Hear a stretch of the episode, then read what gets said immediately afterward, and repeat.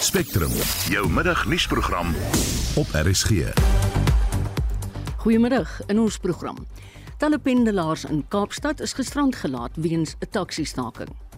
John Steenhuisen stel homself beskikbaar vir 'n tweede termyn as DA-leier. En 'n fonds vir verlies en skade gaan geskep word om armer lande te help om die gevolge van klimaatsverandering die hoof te bied. Welkom by Spectrum, vandag onder redaksie van Jean Esterhuizen.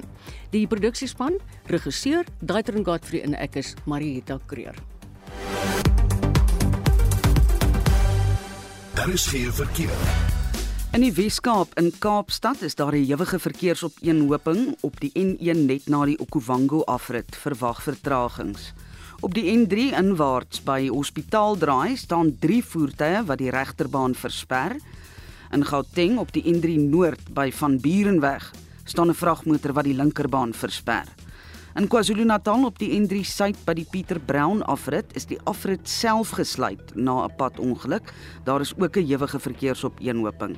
Ek is Marlies Skeepers, as jy verkeersnuus het, stuur 'n SMS na 45889 teen R1.50 en begin die boodskap met die woord verkeer.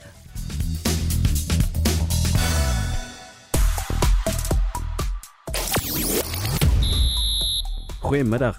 Qatar is die eerste gasheerspan wat sy openingswedstryd in 'n Wêreldbeker toernooi verloor het. Ses spelers sluit aan by die Springbokspan in Engeland. En Novak Djokovic wen 'n rekordgelyke 6de ATP eindstryd. Die volledige bulletin volg bietjie later. Dis Christo Gawie vir RSG Sport. Hitsmerk Zuma is besig om vinnig opslae te maak. Die Appelhof het die Hooggeregshof se uitspraak gehandhaaf dat oud-president Jacob Zuma se mediese parol onwettig toegestaan is. Die menseregte prokureur Richard Spoor het onder die hitsmerk gereageer en gesê 'n gedeel en 'n gedeelte van die uitspraak geplaas. Die oud-president sal sy tyd moet uitdien, maar dit is egter in tronkowerhede se hande of die tydperk wat hy op mediese parol was ingereken gaan word of nie. Eskom sê beurtkrag sal hierdie week afwisselend van fase 2 tot fase 5 toegepas word. En dit is teen die agtergrond dat baie Suid-Afrikaners daarna streef om onafhanklik van Eskom te wees. Die werkgewersorganisasie Kofisa vra nou huishoudings, sakeondernemings, skole en boere om met sonpanele krag op te wek en aan Eskom te verkoop. As miljoene klein verskaffers so kan saamwerk, kan dit die land se elektrisiteitsprobleem oplos. Of wat dink jy? Ons het reeds 'n bietjie terugvoer gekry op die WhatsApp lyn. Ja, ek glo vas dat as hulle 'n wet wegvat op alle sonpaneelinstallasies en ook vir ons 'n jaarlikse tax rebate gee aan die einde van die finansiële jaar op die hoeveelheid krag wat jy voor sonpanele ingesit het, sal ons sekerlik sien dat daar meer mense is wat sal probeer om dit te doen en sodoende almal te help met dit. Ek het laas jaar in Augustus 'n groot solarstelsel laat installeer, baie groot. En uh, toe doen ek navraag by Eskom om dit terug te verkoop aan Eskom. Toe sê Eskom vir my, maar NERS het dit nog nie goedgekeur dat ons small embedded krag kan voorsien terug aan Eskom nie. So daar's een of ander tegniese aspek daar's wat nog nie uitgesorteer is nie. Deel gerus jou mening deur 'n SMS te stuur na 45889, kos jou R50 per boodskap of praat saam op die Monitor en Spectrum Facebookblad. WhatsApp ook vir ons stemnota as jy wil na 076 536 6961. Jy luister na Spectrum. Elke weekmiddag tussen 12 en 1. En dis op die kop 8 minute oor 12.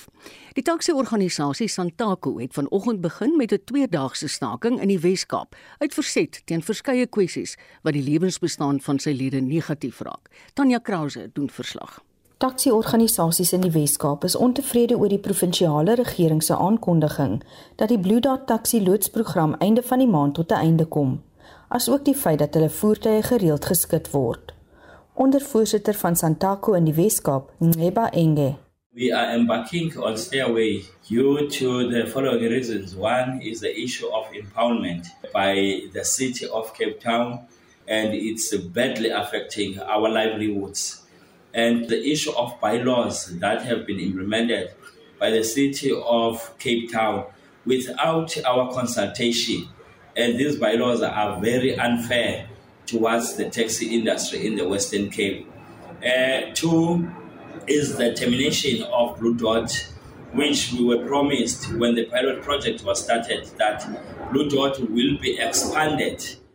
Dit is weer pendelaars wat aan die kortste end trek.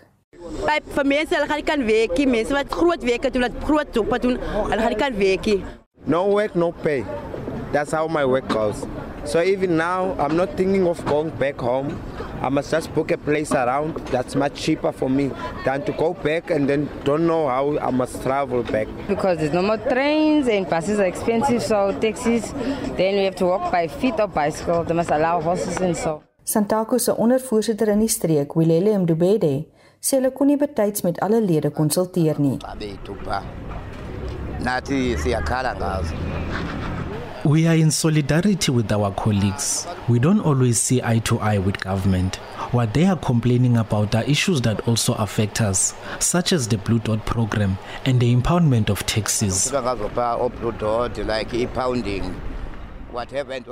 Die stad Kaapstad sê taksies word slegs geskit as dit onpadwaardig bevind word of dat daar bevind is dat die bestuurder onder die invloed van alkohol of roekeloos bestuur het. Die provinsiale regering het ook die nasionale regering versoek om te help met befondsing vir die Blue Dot program.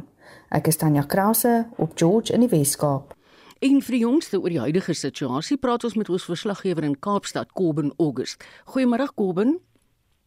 Uh, goeiemôre aan en goeiemôre aan die luisteraars. Good afternoon. Waar is jy op die oomblik en wat gebeur daar? Well, at the moment we are in Kayalicha where we have uh, been stationed for the past morning and also since this afternoon uh, where several incidents of attacks on buses have occurred since the early hours of this morning. Uh, one bus, one Golden Arrow bus was torched, as well as another My City bus was also torched in the area. And a third bus was hijacked but was later recovered in the area. Hmm. At the moment, the situation remains tense, but there is a, a large police presence and uh, law enforcement agencies who are on high alert in the area. Kobben is daar al verdagtes in hegtenis geneem.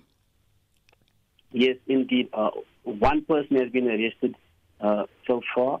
It was the person who was found driving the bus that was hijacked in Kayalicha. The police managed to recover that vehicle, and during that operation, when they recovered the vehicle, they arrested the one suspect. Jy het nou verwys na die polisie teenwoordigheid daar. Is dit redelik groot? Yes, indeed. There is a large police presence uh, within the Kayalicha area. Uh, It's various law enforcement agencies, Metro Police, mm. uh, traffic services, uh, SAPs were all patrolling and maintaining high visibility in the area just to uh, bring stability and just to ensure that uh, the situation uh, can be stabilized in the area. Kobben ek seker van die pendelaars is baie ontwrig. Indeed, uh, commuters that we spoke to this morning say that uh, the taxi strike is affecting them very badly, and they're saying that they're struggling to go to work, struggling to go to to get their kids to go to school, mm. uh, struggling to go to hospitals, and also with the taxis not operating, they find themselves having to spend more money mm. on traveling just in order to move around and to get from place to place. So indeed, the commuters are also struggling. En dis so ironies want soos iemand in die vorige klankpakkie vir ons gesê het, daar's nie treine nie. Busse is blykbaar volgens haar baie duur en jy weet die ander ou het gesê nou work nou pay. Dit is 'n verskriklike posisie om in te wees.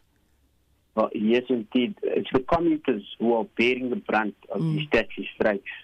And with the rail services that are not operating optimally and also now the taxis that are not functioning, it's all that's left for the ordinary commuters is the buses and indeed it is expensive and it does cost them quite a, quite a lot of money to be able to travel around. So at the end of the day, the taxis they have said that they'll only um, uh, taxi operators said that they'll be mm. uh, striking for these two days, it's the Monday and the Tuesdays, and we're expecting that services will resume from Wednesday. Baie dankie Kobben, dis ons verslaggewer in Kaapstad, Kobben August. Die DA-leier, John Steenhuisen, stel homself beskikbaar vir 'n tweede termyn en dit wil lyk asof die voorsitter van die Federale Raad, Helen Zille, ook gereed maak vir 'n tweede ronde in die gesaghebende posisie. Ons praat nou hieroor met die dekaan van Geesteswetenskappe aan Akademia, professor Pieter Dievenage. Hallo Pieter. Goeiemôre, Marieta. Dis seker nie 'n verrassing dat Steenhuisen en Zille hulle weer beskikbaar verklaar het nie. Nee, ek dink nie dis 'n verrassing nie want as mens nou kyk uh, sedert hulle vorige verkiesing dink ek het beide hulle posisies binne die DA gekonsolideer. Daar is ook nie eintlik iemand wat ek in die stadium sien wat teen hulle kan staan in beide posisies nie. En hulle het nou so half deel geword van die handelsmerk en Engels noem ons dit die brand van die DA. Die groot vraag is natuurlik of die DA as 'n sentrumparty onder hulle gaan groei of nie of gegroei het tot dusver en dalk nog verder kan groei of nie. Dis die groot vraag. Dink jy Steenhuisen is 'n baken van bestendigheid en hoop?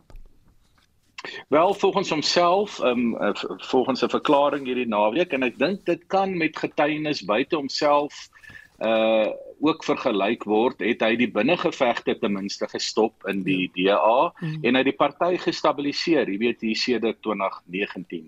En hy is soos uh, is hulle uh, baie sterk liberaal demokraties. Uh, as mens nou ideologies na hulle kyk minder van 'n sosiale demokraat. En hy stel hom dan nou verkiesbaar as federale leier vir April volgende jaar. Um, en net 'n laaste punt hier Marietta, ek vind dit baie goed dat die DA se federale leier is nie 'n premier van 'n provinsie nie, mm. maar dat hy of sy op die party in die breë Suid-Afrika kan fokus. Dis nou al 'n rukkie so DA ehm um, uh, uh, beginsel dat die federale leier is nie aan 'n provinsie gekoppel nie. Ek dink dit is 'n goeie goeie benadering. Ja, ja. Nou nou van haar gepraat, Helen Zille. As 'n mens na haar uitsprake kyk op Twitter. Ek het ja. gister ja. ergens in 'n koerant gelees iemand sê sy's net een van daai mense wat verkieslik nie Twitter moet gebruik nie. Ja, mens moet partymal dalk die selfoon net van haar vir 'n vir 'n rukkie weg. maar ek dink tog Helen Zille het as voorsitter die laaste ruk as mens aan moet vergelyk uh, met vorige jare en so aan. So die laaste 6, 8 maande het ek tog die gevoel dat sy minder van Twitter gebruik maak en dat sy minder van 'n openbare profiel het in die opsig en eerder agter die skerms werk as voorsitter waar sy meer as ooit werk. Kyk, ek dink nie sy is iemand wat kan stil sit nie. Sy het 'n baie sterk politieke instink en 'n baie sterk politieke belangstelling en sy is so iets van 'n politieke dier. Mm. Maar ek dink die interessante van Helen Zille, sy het so bietjie haar openbare uh, haar openbare profiel geskuif. Dis nie nou hierdie al ewige Twitters nie en as sy tweet, is dit meer besadig in die stadium. So ek dink sy het tog haar rol in die opsig ook 'n bietjie verskuif.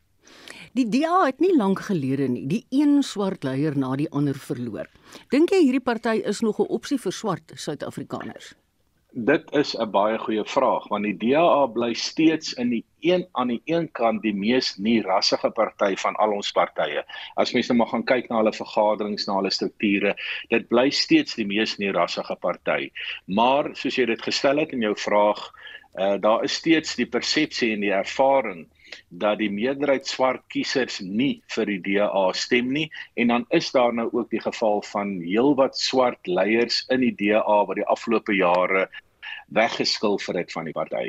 Tog ehm um, dink ek uh dit is 'n party wie se algemene beeld in Suid-Afrika nie verswak het nie en dit gaan baie interessant wees om te sien wat in 2024 gaan gebeur met Steenhuisen en Zille aan die stuur van sake, maar steeds 'n party soos ek gesê het wat ehm um, baie sterk nie rassig is deur die strukture mm. en in sekere provinsies en daar is ook sterk swart leierskap nog steeds in die DA al, alhoewel dit dalk 'n bietjie laer in die strukture mm. is, maar in sekere provinsies baie prominent. So ons sal moet kyk wat hier gebeur ek verwag nie Marietta dat die DA by die volgende verkiesing geweldig meer swart steen gaan kry nie, maar ons kan dalk verras word met uh, meer steen. Pieter, jy het nou verwys na 2024. As jy vandag vir die DA kan raad gee in die aanloop tot daai verkiesing, wat sal dit wees? Ja, dit ek is nou op dun ys want ek probeer redelik neutraal politieke kommentaar gee en nou klink ek na 'n raadgewer van die DA, maar as ek so vanuit my hoek vir 'n raad sou gee, sou ek sê fokus op die wanbestuur van die ANC. Dit moet dit moet die sentrale aspek van jou ehm um, kampanje mm. wees. Mm. Tweedens uh, uh, uh, kyk na die uh, fokus op die goeie bestuur van jou eie party want die uh, DA het goeie dinge al uh, gedoen in hulle bestuur van die provinsies en die stede waar hulle betrokke is en dan ontwikkel 'n strategie om swart kiesers veral in die stede te kry uh, om uh, vir hulle te stem en om 'n senior vernoot in koalisies te wees. Uh ek dink die koalisiepolitiek saam met 'n beter beeld by swart kiesers uh moet baie sterk uh op die agenda wees van die van die DA, maar dan moet hulle steeds die kleiner partye wat hulle nou ook in koalisies met hulle het in die metros en so aan op 'n manier gelukkig hou. So in 'n in 'n sekere opsig het die DA geweldige verantwoordelikheid op die pad na 2024. Baie dankie. Dit was uh, die dekaan van Geesteswetenskappe aan Akademia, professor Pieter Dievenage. 1219. Tydens die COP27 beraad is daar eindelik 'n klimaatsooreenkoms bereik om 'n fonds op te rig om armer lande te help om die gevolge van klimaatsverandering die hoof te bied. Die sogenaamde skade en verliesfonds sal aangewend word om ontwikkelende lande by te staan met die koste van klimaatverwante rampe soos oorstromings en droogte. Voor die ooreenkoms bereik is, het FSD Afrika, 'n agentskap wat homself beywer vir ontwikkelingsfondse vir Afrika, 'n week van tevore die Afrika Klimaatsrisikogerief gestig. Ons gaan nou praat met Theo De Jager van SAI, maar ek wil hom ook bekendstel as 'n voorsitter van 'n ander organisasie. Hallo Theo, wil jy nie net vir my sê hoe moet ek dit uitspreek nie? Ja, hallo Marieta, die organisasie se naam is Vanderpan en dit is die Food Agriculture and Natural Resources Policy Analysis Network. Goed. Wat die diplomatieke status hier in Suid-Afrika geniet van Erpan. Theo was sopas by die klimaatsberaad in Egipte soos ek gesê het en hy's ook deel van die wêreld se landbouorganisasie se onderhandelingsspan. So jy het sommer 'n klomp hoede vandag op. Hoekom is daar nie net een fonds en die ene spesifiek voor die ander ingestig, Theo? Ja, dit is nogal intriges op intriges in die gesprekke daar by Kop en dis die die die belangrikste rede is nou maar die politieke ry daar binne want die twee hoofgroepe wat gestoei het oor hierdie klimaatsfonds of hierdie fonds wat basies maar verliese en skade moet dek. En die die een groep is natuurlik die, die die groep van armer lande wat hoop om die voordeel te kry uit so 'n klimaatsfonds en die ander is die groep van ryker lande van wie verwag word om by te dra tot hierdie fonds. So jy is heeltemal reg dat uiteindelik het hulle as alhoewel hulle vir dit dit nou 2 dae langer gevat het om tot 'n vergelyk te kom, het hulle uiteindelik hierdie fondse gestig, maar hulle hmm. het nog nie met mekaar ooreengekom oor hoe hierdie fondse befonds gaan word nie en en presies ja. wie geregtig sal wees om te eis van sulke fondse en veral hoe daar 'n onderskeid getref sou word tussen natuurrampe of klimaatsrampe wat toe te skryf is aan klimaatsverandering ja. en natuurrampe wat in elk geval waarskynlik sou gebeur het want hierdie planeet was nog altyd onderhewig aan vloede en droogtes en brande. So hulle het nog nie daai onderskeid getref nie. Nee, en dit is 'n vuurwarm punt van debat ja. en hulle hoop om dit verder te voer by die tegniese onderhandelinge, die sogenaamde SAPSTA onderhandelinge eh, onderhandelinge in Bonn in Mei maand volgende jaar en dan natuurlik na COP28 toe te vat wat volgende jaar um, in Dubai gehou sal word. Sou gaan twee hulpfondse nie die potensiële befondsing verdeel nie? daar is 'n moontlikheid dat hierdie hulpfondse almal gemeer kan word in die toekoms. Goed.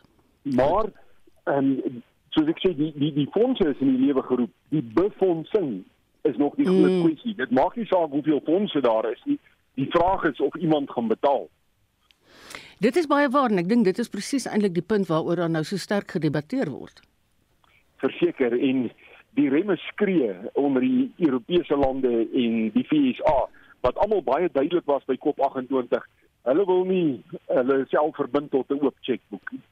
Ek moet sê daar was baie uitsprake, mondelinge uitsprake, maar jy weet, jy en ek weet altyd, dis net so goed soos die kontrak waarop hulle ooreengekom het en as jy nou sê dit is nog nie eens bereik nie, dan is 'n mens maar 'n klein bietjie ek wil nie sê negatief nie, maar angstig. Ja, jy moet onthou hier's amper 200 lande wat verteenwoordig is as partye by hierdie kop kop staan vir Conference of Parties en uh, hulle twis oor die die keuse van 'n sekere woord want elkeen sien vir homself in in in veral die taalgebruik in die teks mm. sien vir homself of 'n geleentheid of 'n groot bedreiging mm. En, mm. en dit is wat maak dat van hierdie onderhandelinge letterlik deurna gegaan het hier na die einde van kop toe kop het baie stadig begin vanjaar En ek moet nou eerlik vir jou sê, hier was nou my 12de kop. Ja. Maar by geen vorige kop het ek dit so intens beleef dat daar eintlik twee geleenthede plaasvind op een platform nie. Daar's die onderhandelinge wat agter geslote deure plaasvind vir 'n groot deel daarvan en en waar jy baie min terugvoer kry oor die politieke ry agter oh ja. die onderhandelinge. Mm. En dan's daar hierdie fees van nuwe idees van hoe om dinge meer klimaatswys te doen en meer natuurvriendelik te doen. En die twee kom nie regtig by mekaar uit nie. Ja. Daar is natuurlik 'n druk van die die die oop platforms na hulle politici toe, selfs ons eie ehm um, president, ons minister van buitelandse sake en ons minister van omgewingsake het by 'n paar geleenthede die Suid-Afrikaners bymekaar getrek om te verduidelik wat is die belang van Suid-Afrika hierby en waar trek ons in die bevordering van hierdie belang. Maar daar is baie weinig geleentheid om weer terugvoer te gee oh ja. van organisasies soos die Landbouunies ja. of ehm um, die die bewaringsagentskappe terug in die politieke prosesse in. Ja. Ja nee, ek hoor alles wat jy vir my sê. Mattheu, baie dankie. Dit was vir jou die jager, die voorsitter van nou genoeg om regkry van Saai en van der Pan. Dit is 25 minute oor 12. Fase 4 en 5 beurtkrag is ingestel na 'n Sondagoggend sonder beurtkrag. Die ineenstorting van die skoorsteen by die Kusile kragstasie het reeds druk op die netwerk geplaas. Eenheid 1 en 3 moes as voorsorgmaatreël toe afgeskakel word.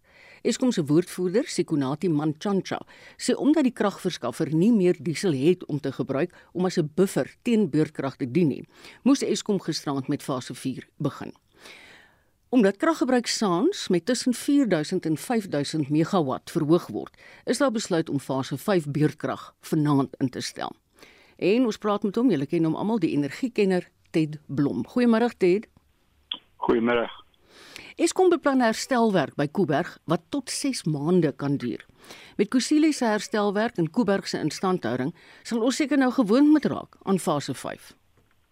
Ja, en teen jy dink jy is gelukkig wees as jy wegkom met fase 5. Ehm um, volgens my mening gaan ons kyk na fase 6 of fase 8. Eh uh, is nie onmoontlikheid nie een ding. Hoeveel krag lewer 'n kragstasie? En kan ons dit sien in die lig van een eenheid staan gelyk aan 'n fase beurtkrag? OK, op die nuwe eenhede wat baie groot uh, uh opwekkingsgenerators het, is dit omtrent reg dat uh, uh hulle hier by die 800 uh, megawatt ehm uh, genereer en dit is amper gelyk aan een fase beurtkrag, ja. Nou wat sou gebeur tipies as nog 'n een eenheid by enige ander kragstasie ontklaar raak wat te midde van Kusile se eenhede wat nie nou werk nie en Kuiberg wat binnekort afgeskakel gaan word sien net maar sou gebeur. Ja nee en daar's 'n goeie kans dit gebeur want dit lyk vir my dat uh, Eskom se uh, interne bestuurstelsels uh, nie vir ons kan uh, be beveilig teen sulke gebeurlikhede nie. Jy weet die ongeluk by Medupi waar hulle die uh, die uh, opwekker uh, opgeblaas het mm. uh, was 'n nalatige fout en dit is weens foutiewe uh, uh, uh, prosedures binne in Eskom. Hulle het dit nog nie erken nie, maar dit is die interne inligting wat ek gekry het. Mm. En uh, weer eens uh, die selfde storie by by Kendall gebeur waar hulle ook 'n eenheid opgeblaas het weens foutiewe aan die handleidings en prosedures. So die kans dat dit weer kan gebeur uh, is, is redelik groot en ons het dieselfde probleem of 'n soortgelyke probleem met eenheid 2 by Kuiberg waar hulle nie reg was om die uh, nuwe ja. gasgenerators uh, te vervang nie of of die oues te vervang met die nuus nie. En weer eens was dit omdat die handleidings en die prosedures nie vooruitgestel uh, gevolg is om seker te maak dat alles in orde is om hierdie, ding te, te weer te bring nie. So dis hoekom daar nou 'n verdere uitstel is en uh, het, ons loop baie baie naby aan die af, afgrond, hoor. Jy weet dit ons vra vandag vir ons luisteraars om vir ons hulle opinie te gee. Daar was 'n oproep gewees dat as daar 'n klomp mense is wat net 'n paar sonpanele het en hulle lewer dit almal gelyktydig aan Eskom dat dit moontlike manier is om te help sodat Jan en Alleman kan voel maar hulle is ook 'n bydrae tot die oplossing van die probleem. Dink jy dit kan werk? Nee, absoluut. Ek roep op van 2013 na voor en Eskom sit in daai syfers van sedert 2013 ek het agterna uitgevind dat my hulle hulle syfers uh, beamoen my my vooruitskattinge dat daar omtrent 8 gigawatt krag beskikbaar is op huishoudings se dakke as almal nou uh, die die die panele opsit. Uh, wat ons nodig het om dit te laat gebeur is 'n belastingbreek uh, of 'n uh, voordeel ja. Sodat mense uh, aangespoor kan word om dit te doen. Maar dit gaan nie die die beerdkrag heeltemal wegvat nie want daai so 'n panele beteken niks na 4 uur in die middag nie. So jy gaan nog steeds uh, piektyd uh, beerdkrag hê. Dit is daar al klarigheid oor wat 'n mens betaal kan word vir dit wat jy dan tot die netwerk lewer as 'n mens dit as 'n bykomende inkomste kan sien. Okay, dit dit dit daai daai uh, tarief uh, is nog nog nie vasgepen nie. Uh in die verlede was daar belaglike uh, uh, tariewe aangebied deur die munisipaliteite en Eskom van 'n paar pennies uh, per kilowattuur wat dit wragtig waar nie die moeite werd gemaak het vir jou om, om so belegging te maak nie. Uh maar nou onder die nuwe uh, uh, uh beleid eh, wat die eh, president afgekondig het, het hy gesê dat hulle weet ordentlike tariewe moet uh, vaspen. Hmm. Maar sover ek bewus is, is daai tariewe nog nie vasgepen nie, Marita. Baie dankie. Dit was Ted Blom ons gebruik deesdae baie sy opinies. Hy's 'n energiekenner en hy weet wat is die dinge wat verkeerd is by Eskom en hoe dit moet opgelos word, maar klink my Die bestuur word ook seker maar 'n klein bietjie, ek wil nie sê gemuilband nie, maar dit is moeiliker dink ek as wat dit op die oog af lyk. Die werkgewersorganisasie Kofesa vra huishoudings, sakeondernemings, skole en boere om met sonpanele krag op te wek en aan Eskom te verkoop. 'n Energiekundige, Dr Wessel Swart, sê die sinergie van miljoene klein kragverskaffers oor die land sal betroubaar en so revolusionêr wees soos die internet.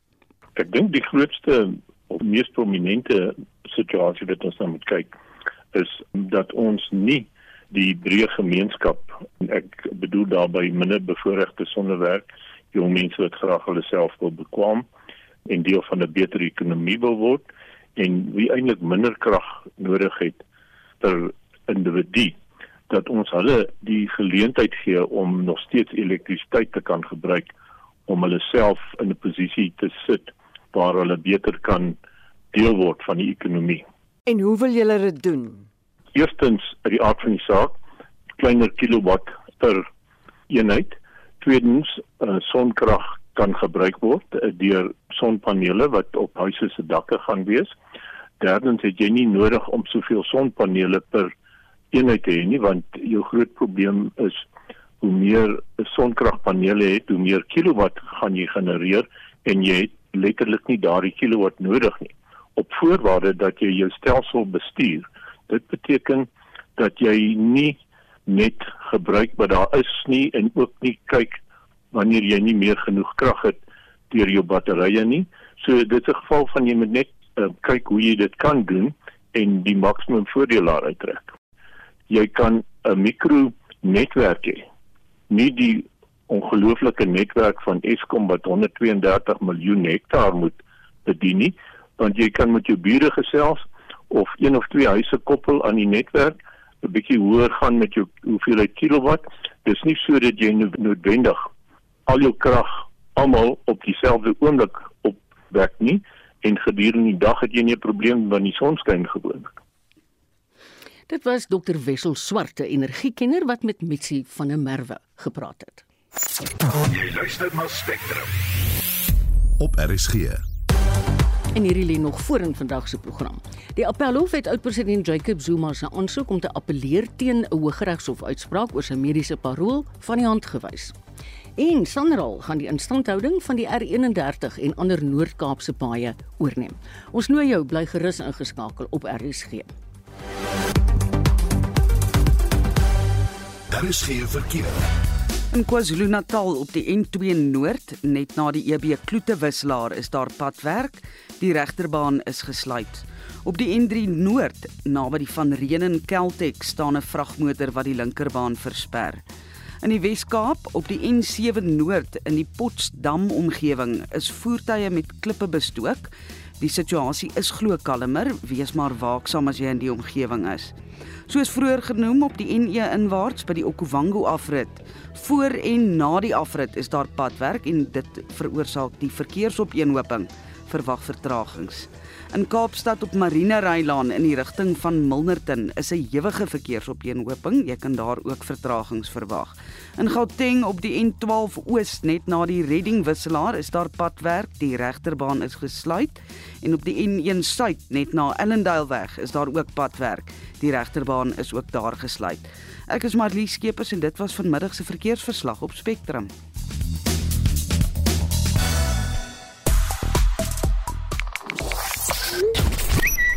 Hitsmerk taxi strike is baie gewild op sosiale media. Die taxi staking in die Wes-Kaap is gewelddadig. Verskeie busse is reeds vanoggend aan die brand gesteek. Een Cameron van Action Society skryf onder die hits dat Santaku verantwoordelik gehou moet word vir elke bus wat vandag uitbrand. 'n Ander gebruiker sê ons moet ons eie staking teen die gebruik van minibus taksies hou. Ons het vroeër gevra wat dink die luisteraars van hierdie idee dat ons almal 'n bietjie krag moet opwek en dan gaan ons die land sommer baie kan help. En ons het heelwat stemnotas ontvang. Ja, dit kan werk as almal hulle deel doen. Ietsie opsit en terugverkoop op die netwerk. Probleem is hulle gaan jou peanuts betaal. Kom ons wees eerlik. Dit gaan nie vir jou die moeite werd wees. Ek sê net weer en ek sal dit oor en oor en oor sê.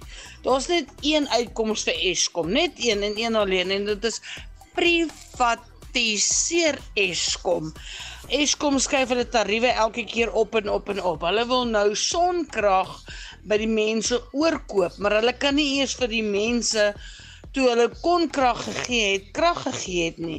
Want daai mense wat die geld so gesteel het, wil dit terugbring. Sit professionele mense in. Lisa van Pretoria, wat ek graag wil weet van Eskom. Hulle het al soveel bail-outs gehad. Die tariewe was al soveel keer opgesit. Hulle het al skenkings oor see gekry. Maar Eskom bly waar hulle is. Hulle kan net nie vorentoe gaan nie. En nou maak hulle hulle probleem ons probleem. Ek wil net sê as uh, Thabo Mbeki as hy en Jacob Zuma wat die vorige presidente was. As hulle hulle werk reg gedoen het, dan sou ons nie nou in die gemors gesit het van beurtkrag nie. Wel, daar het julle 'n paar luisteraars gehoor. Ons het ook 'n klompie SMS'e en Facebook inskrywings gekry. Reinhard sê, die probleem is net die sonpanele gaan gesteel word.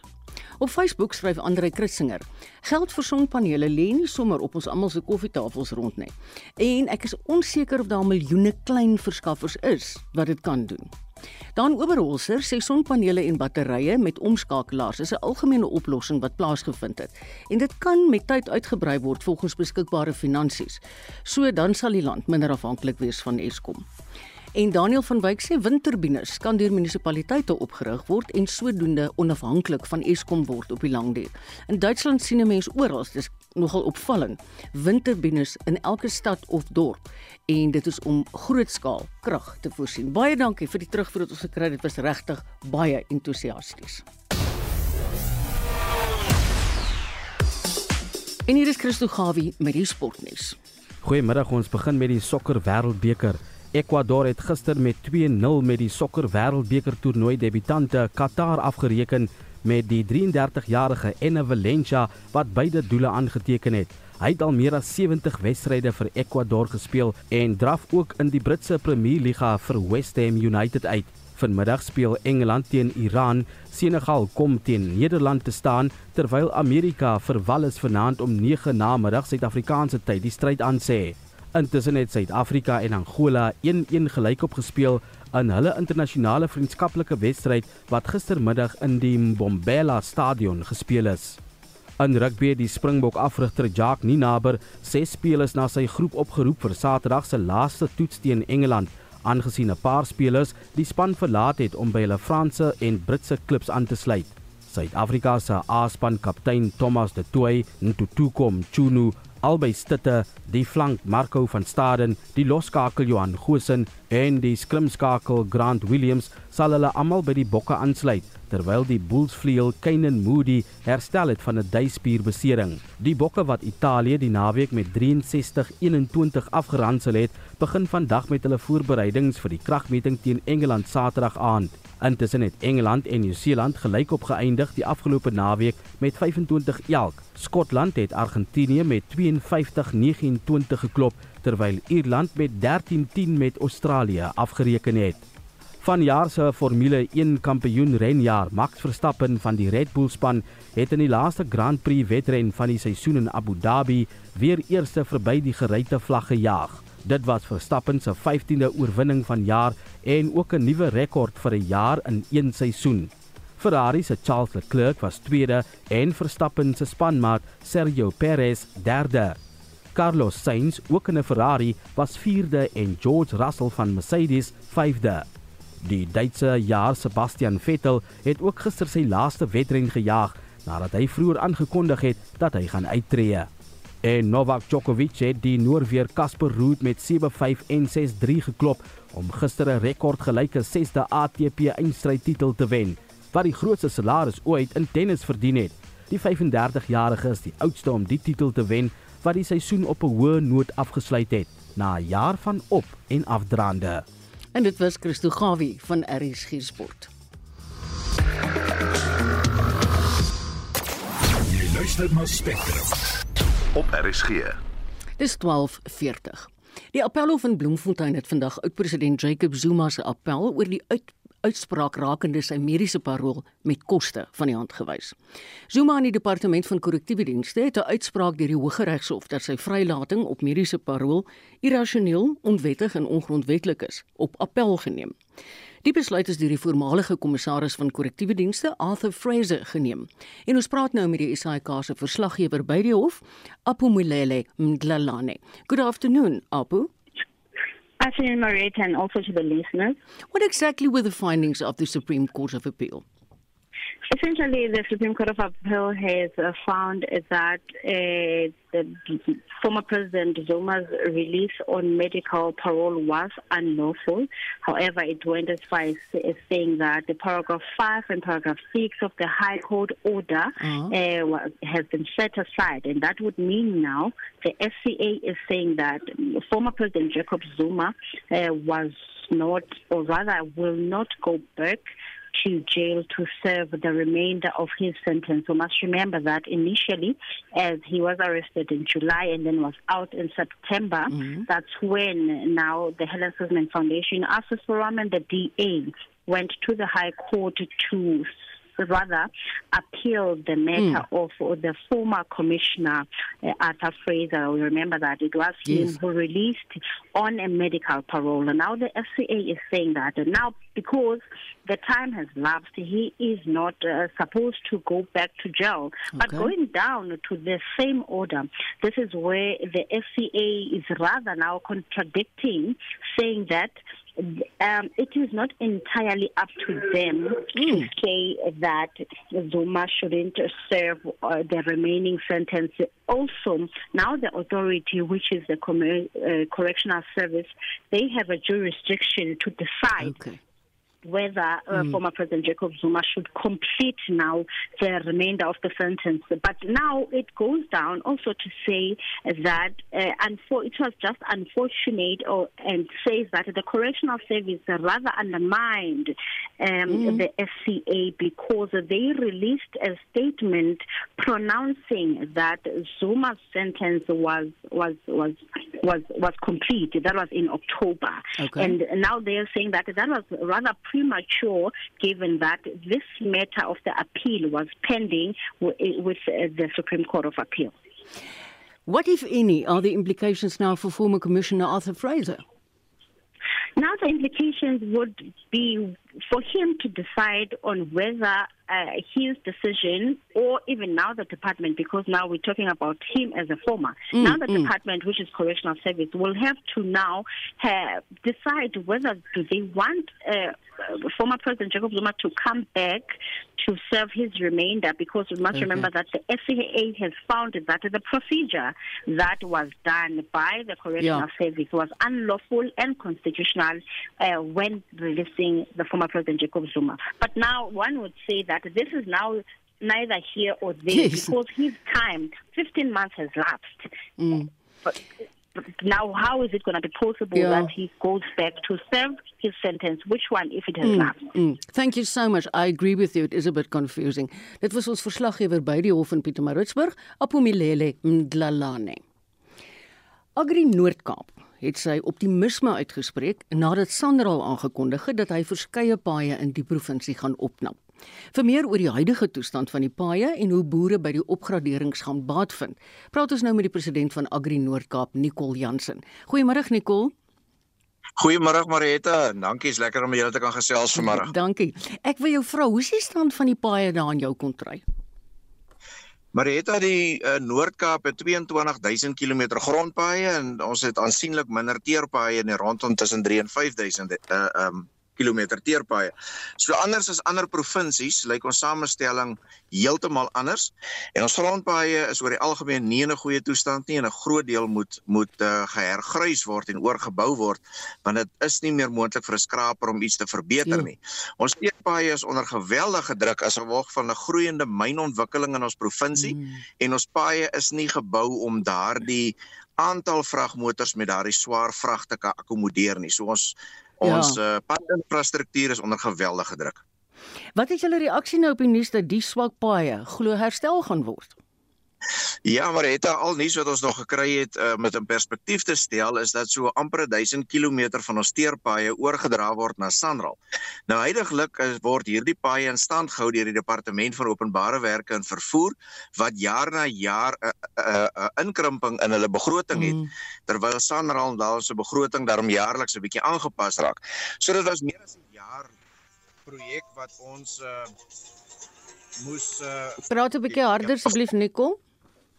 Jammer, dis meer as 'n jaar wat Agri Noord-Kaap uh besig was om dit te motiveer en ook die instemming van ons premier Dr. Zamani Sul te kry wat dit uiteindelik uh gemotiveer het dat hierdie 1000 km oorgedra word na Sanral toe.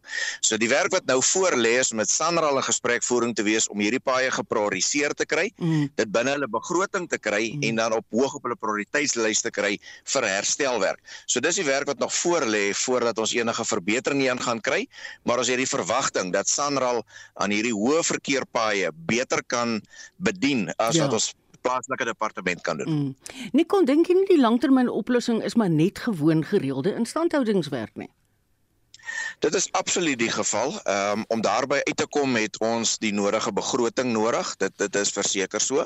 Maar daar's baie geleentheid om meer effektief om te gaan met die begroting wat ons wel het.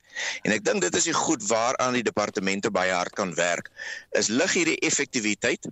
Kom ons maak meer van kontrakteurs gebruik wat per kilometer met aanvaarbare afleweringstoestand uh, vergoed word en dan gaan ons uh, absoluut hierdie rand kan rek en gaan ons standhouding beter kan doen. Daar is te veel werk wat gedoen word sonder dat daar enige penalisasie is mm. vir onder 'n uh, prestasie sowel as die vermorsing van geld en opsigte van tydstuur. Ja, en dit kan die boere tog soveel baat. Baie dankie Nicol. Dit was Agri Noord-Kaap se president, Nicol Jansen. Ja, die volgende ene is 'n klein bietjie van 'n emosionele saak. Hy loop al 'n rukkie ook in die media.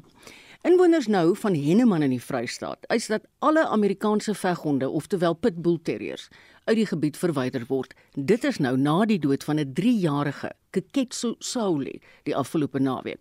En inwoners het een van die honde wat hom doodgebyt het, aangeval en kan jy glo aan die brand gesteek.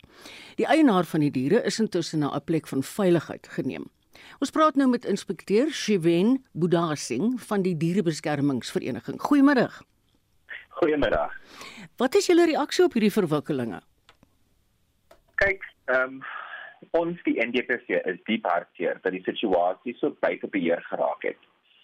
Veral toe dit kon vir my kon word deur die implementering van die wet wat handel oor gevaarlike diere mm. en strenge beheer oor eiernaarhandelaars. Want en op die ou uit van die dag is dit 'n tragiese ding wat gebeur het in in in die Vrystaat. Ja, dit is verskriklik want mense hoor dit by so 'n paar plekke nou opduik. 'n Ondersoek word op die oomblik gedoen. Kan jy vir ons vertel wat is die jongste? Ehm um, ek kan nie bevestig die, die wat wat wat nou tans gebeur het nie uh, met hierdie laaste een want dit is deur die Virginia SPCA behandel. Ehm um, so vir die spesifieke ehm um, inligting met met ons met, met hulle gesels. Okay. Maar ehm um, oor die algemeen is die FABG ehm um, verantwoordelik om met om die uh, klagtes te re reageer. Ehm um, wat dit betrekking tot diere aanvalle op mense en dit is die plaaslike munisipaliteit wat die nodige stappe moet en kan neem um, om hierdie diere te verwyder of te laat verwyder. Ja. Sjewen ek wil jou nooi om graag na 'n klankgreep te luister. Die Pitbull Federasie het ook op die voorval gereageer en hier is wat die woordvoerder Lins Rautenbach sê. This is a problem and it's a problem that we are now laying at the feet of our law enforcement and our Justice Department. Banning a breed of dog is not going to work in South Africa. Licensing needs to come back. if a problem dog is passed on to a neighbor or a friend, when it attacks, the root cause is traced and you are the owner, you caused this. Then we need to look at things like how the properties are, well, how are these dogs contained? Is baie waar wat sy daar sê want ek weet daar was 'n geval verlede week waar seentjie gebou doodgebyt is waar die hond in 'n hok was en toe breek hy uit sy hok uit maar dit was die stem van die Pitbull Federasie se woordvoerder Lins Rautenbach. Nou wil ek vir jou vra Shiwen, wat is die DBV se standpunt? Weet jy vir jare waar hier die NDBV ons gemeenskap en die regering dat 'n krisis krisis besig om te broei is en daar was net geen optrede nie. Ja. Die verantwoordelike departemente is nie en is uh, het nie opgetree nie en ons is nou in 'n situasie is nou heeltemal buite beheer. So die NDP is nie gekant teen pitbulls nie. Ons uh, ons standpunt is dat ehm um, dat verantwoordelike eienaarskap die die die die standpunt is. Mm Ja. Weet jy ons het so hele rukkie terug dit luisteraars vrae gemaak. En ek was verbaas oor die hoeveelheid positiewe uh, terugvoer wat ons gekry het wat sê ek het soveel en soveel pitties al in my lewe gehad. Gaan blykbaar oor hoe liefdevol jy die hondjie grootmaak, so seker maar in meeste rasse. Hoe baie oefening jy die hond gee en natuurlik ook dan nou hoe onder watter omstandighede word die hond aangehou. Dan wil ek nie eers praat van hondegevegte nie want dit maak my gewoon naar.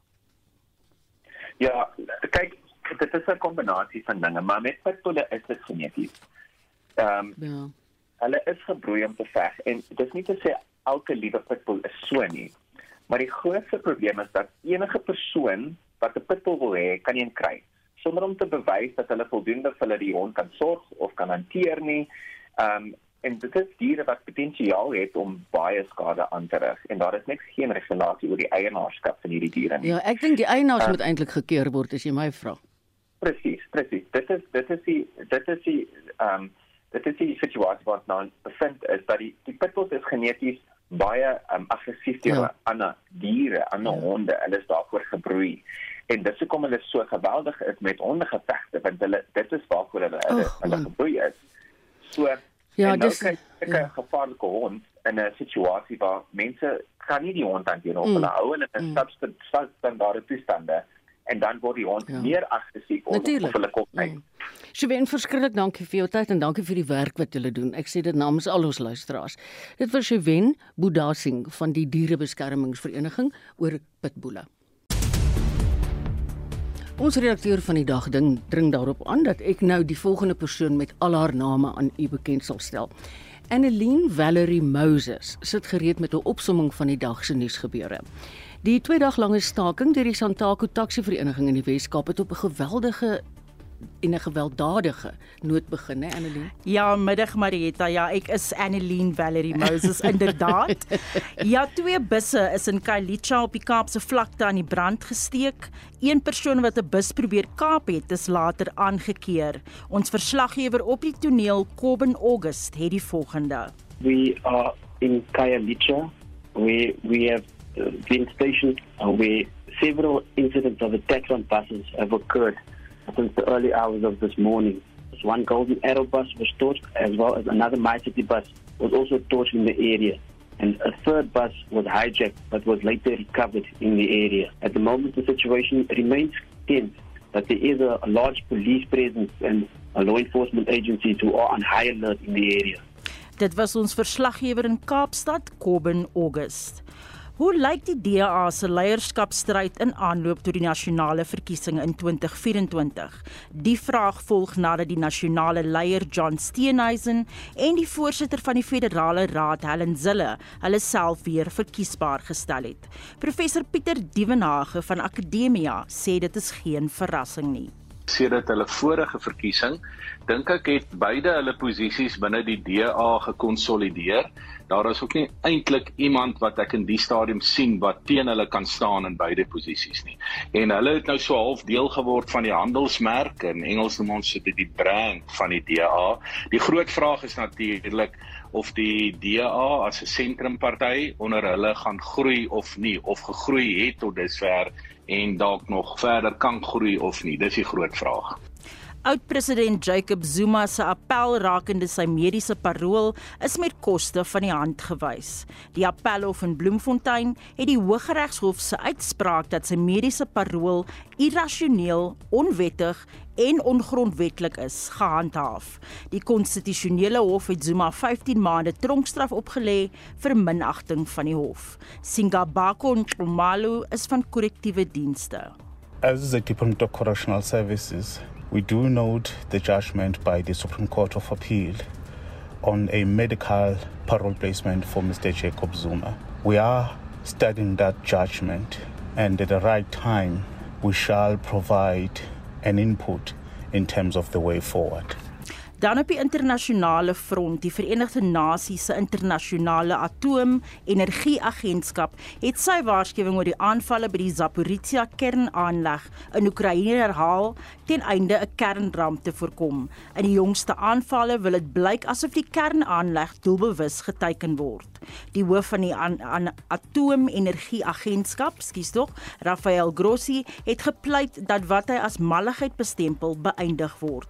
Rusland beset die kernaanleg vir 'n aantal maande lank. Hy ontken egter dat hy die kernaanleg bombardeer terwyl Kiev op sy beurt die blame op Moskou plaas. Baie dankie Annie, Valerie. Skakel gerus vanmiddag in om kwart voor 6 vir Brandpunt waar die spanne samevatting van die dag se nuusgebeure gee. Ek groet namens ons uitvoerende regisseur, Nicoline de Wee, die redakteur vandag Jean Esterhuizen, produksieregisseur Daitrin Godfrey. Ek sê dankie vir al die medewerkers in die Kaap. Sit die 360 span gereed met die 1 uur nuus. Totsiens.